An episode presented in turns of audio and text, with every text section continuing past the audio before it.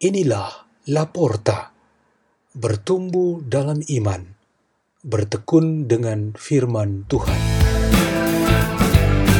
Bersama tim Laporta, asuhan Peter Tukan, Imam Biarawan SDB, Salesian Don Bosco.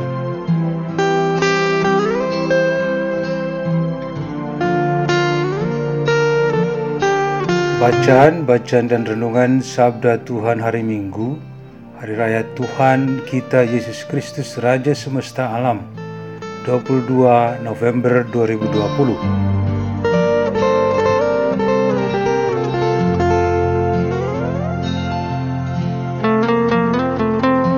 Pembacaan dari Nubuat Yehezkiel. Beginilah firman Tuhan Allah. Dengar, Aku sendirilah yang akan memperhatikan domba-dombaku dan mencari mereka. Seperti seorang gembala mencari dombanya, pada waktu domba itu tercerai dari kawanannya. Begitulah aku akan mencari domba-dombaku, dan aku akan menyelamatkan mereka dari segala tempat. Ke mana mereka diserahkan pada hari berkabut dan hari kegelapan. Aku sendiri akan mengembalakan domba-dombaku dan aku akan membiarkan mereka berbaring. Demikianlah firman Tuhan Allah. Yang hilang akan kucari, yang tersesat akan kubawa pulang, yang luka akan kubalut, yang sakit akan kukuatkan, sedang yang gemuk dan kuat akan kulindungi. Aku akan menggembalakan mereka sebagaimana seharusnya. Wahai kamu domba-dombaku, beginilah firman Tuhan Allah Sungguh, aku akan menjadi hakim di antara domba dengan domba, dan di antara domba jantan dan kambing jantan. Demikianlah sabda Tuhan.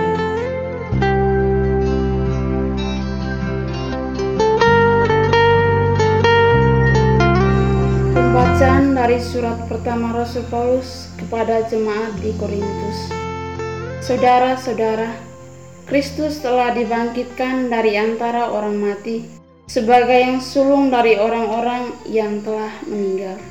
Sebab sama seperti maut datang karena satu orang manusia, demikian juga kebangkitan orang mati datang karena satu orang manusia. Karena sama seperti semua orang mati dalam persekutuan dengan Adam, demikian pula semua orang akan dihidupkan kembali dalam persekutuan dengan Kristus. Tetapi tiap-tiap orang menurut urutannya, Kristus sebagai buah sulung, sesudah itu mereka yang menjadi miliknya pada waktu kedatangannya. Kemudian tibalah kesudahannya, yaitu bila mana Kristus menyerahkan kerajaan kepada Allah Bapa, sesudah ia membinasakan segala pemerintahan, kekuasaan, dan kekuatan karena Kristus harus memegang pemerintahan sebagai raja sampai Allah meletakkan semua musuhnya di bawah kakinya. Musuh terakhir yang diminasakan ialah maut. Dan kalau segala sesuatu telah ditaklukkan di bawah Kristus, maka Kristus sendiri sebagai anak akan menaklukkan dirinya di bawah Dia yang telah menaklukkan segala sesuatu supaya Allah menjadi semua di dalam semua. Demikianlah sabda Tuhan.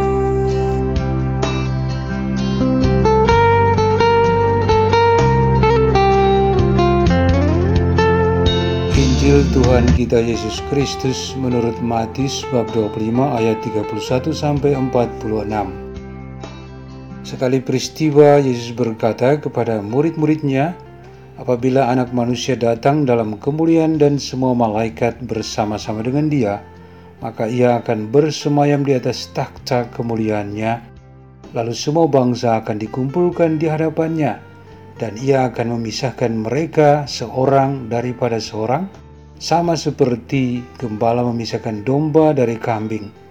Ia akan menempatkan domba-domba di sebelah kanannya dan kambing-kambing di sebelah kirinya Raja itu akan berkata kepada mereka yang di sebelah kanannya, Mari, hai kamu yang diberkati oleh Bapakku, terimalah kerajaan yang telah disediakan bagimu sejak dunia dijadikan.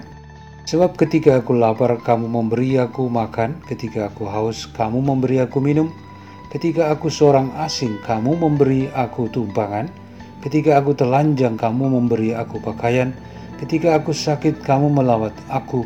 Ketika aku di dalam penjara, kamu mengunjungi aku. Maka orang-orang benar itu akan bertanya kepadanya, Tuhan, bila manakah kami melihat engkau lapar dan kami memberi engkau makanan, atau haus dan kami memberi engkau minum? Bila manakah kami melihat engkau sebagai orang asing, dan kami memberi engkau tumpangan, atau telanjang dan kami memberi engkau pakaian? Bila manakah kami melihat engkau sakit atau dalam penjara dan kami mengunjungi engkau? Dan raja itu akan menjawab mereka, Aku berkata kepadamu, sesungguhnya segala sesuatu yang kamu lakukan untuk salah seorang dari saudaraku yang paling hina ini, kamu telah melakukannya untuk aku. Lalu raja itu akan berkata juga kepada mereka yang di sebelah kirinya, Enyalah dari hadapanku, hai kamu orang-orang terkutuk, enyalah ke dalam api yang kekal yang telah sedia untuk iblis dan malaikat-malaikatnya. Sebab ketika aku lapar, kamu tidak memberi aku makan. Ketika aku haus, kamu tidak memberi aku minum. Ketika aku seorang asing, kamu tidak memberi aku tumpangan. Ketika aku telanjang, kamu tidak memberi aku pakaian. Ketika aku sakit dan dalam penjara, kamu tidak melawat aku. Lalu mereka pun akan bertanya kepadanya, Tuhan, bila manakah kami melihat engkau lapar atau haus, atau sebagai orang asing, atau telanjang atau sakit, atau dalam penjara dan kami tidak melayani engkau? Maka ia akan menjawab mereka, Aku berkata kepadamu, sesungguhnya segala sesuatu yang tidak kamu lakukan untuk salah seorang dari saudaraku yang paling hina ini, kamu tidak melakukannya juga untuk aku dan mereka ini akan masuk ke tempat siksaan yang kekal, tetapi orang benar masuk ke dalam hidup yang kekal. Demikianlah Injil Tuhan.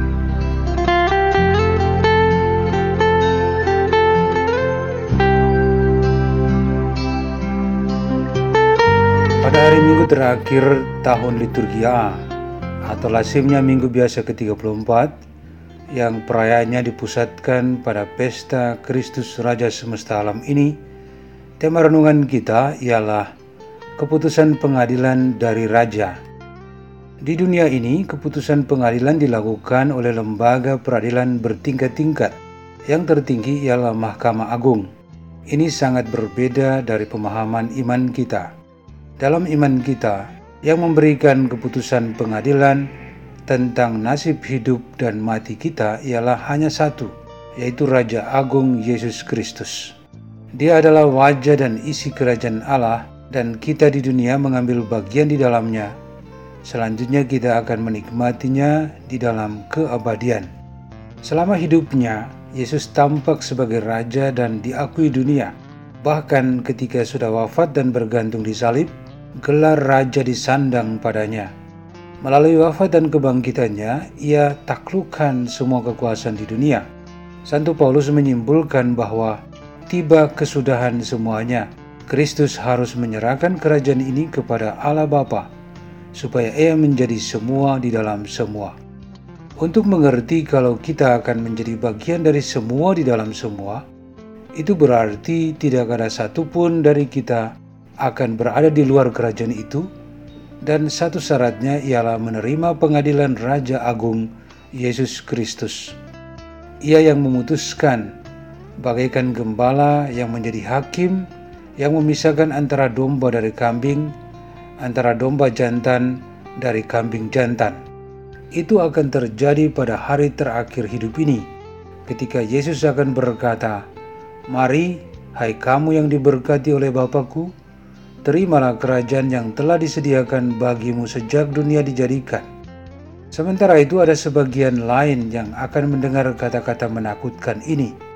Enyalah dari hadapanku, hai kamu orang-orang terkutuk, nyalah ke dalam api yang kekal, yang telah disediakan untuk iblis dan malaikat-malaikatnya. Pengadilan terakhir ini akan terjadi tanpa interupsi atau pembelaan apa pun, bahkan penyuapan, dan main mata dengan sang pengadil.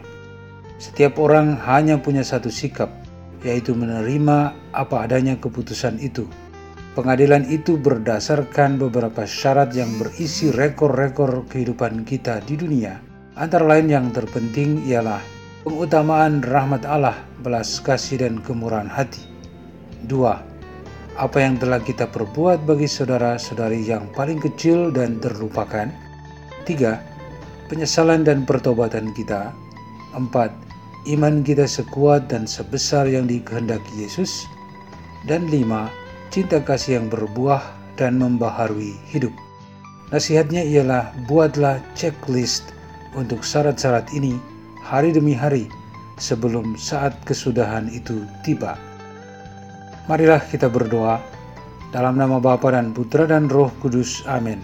Ya Kristus, Raja semesta alam, dengan kemurahan Bapa dan pendampingan Roh Kudus, semoga kami dapat menyatu denganmu sesegera mungkin. Bapa kami yang ada di surga, dimuliakanlah namamu.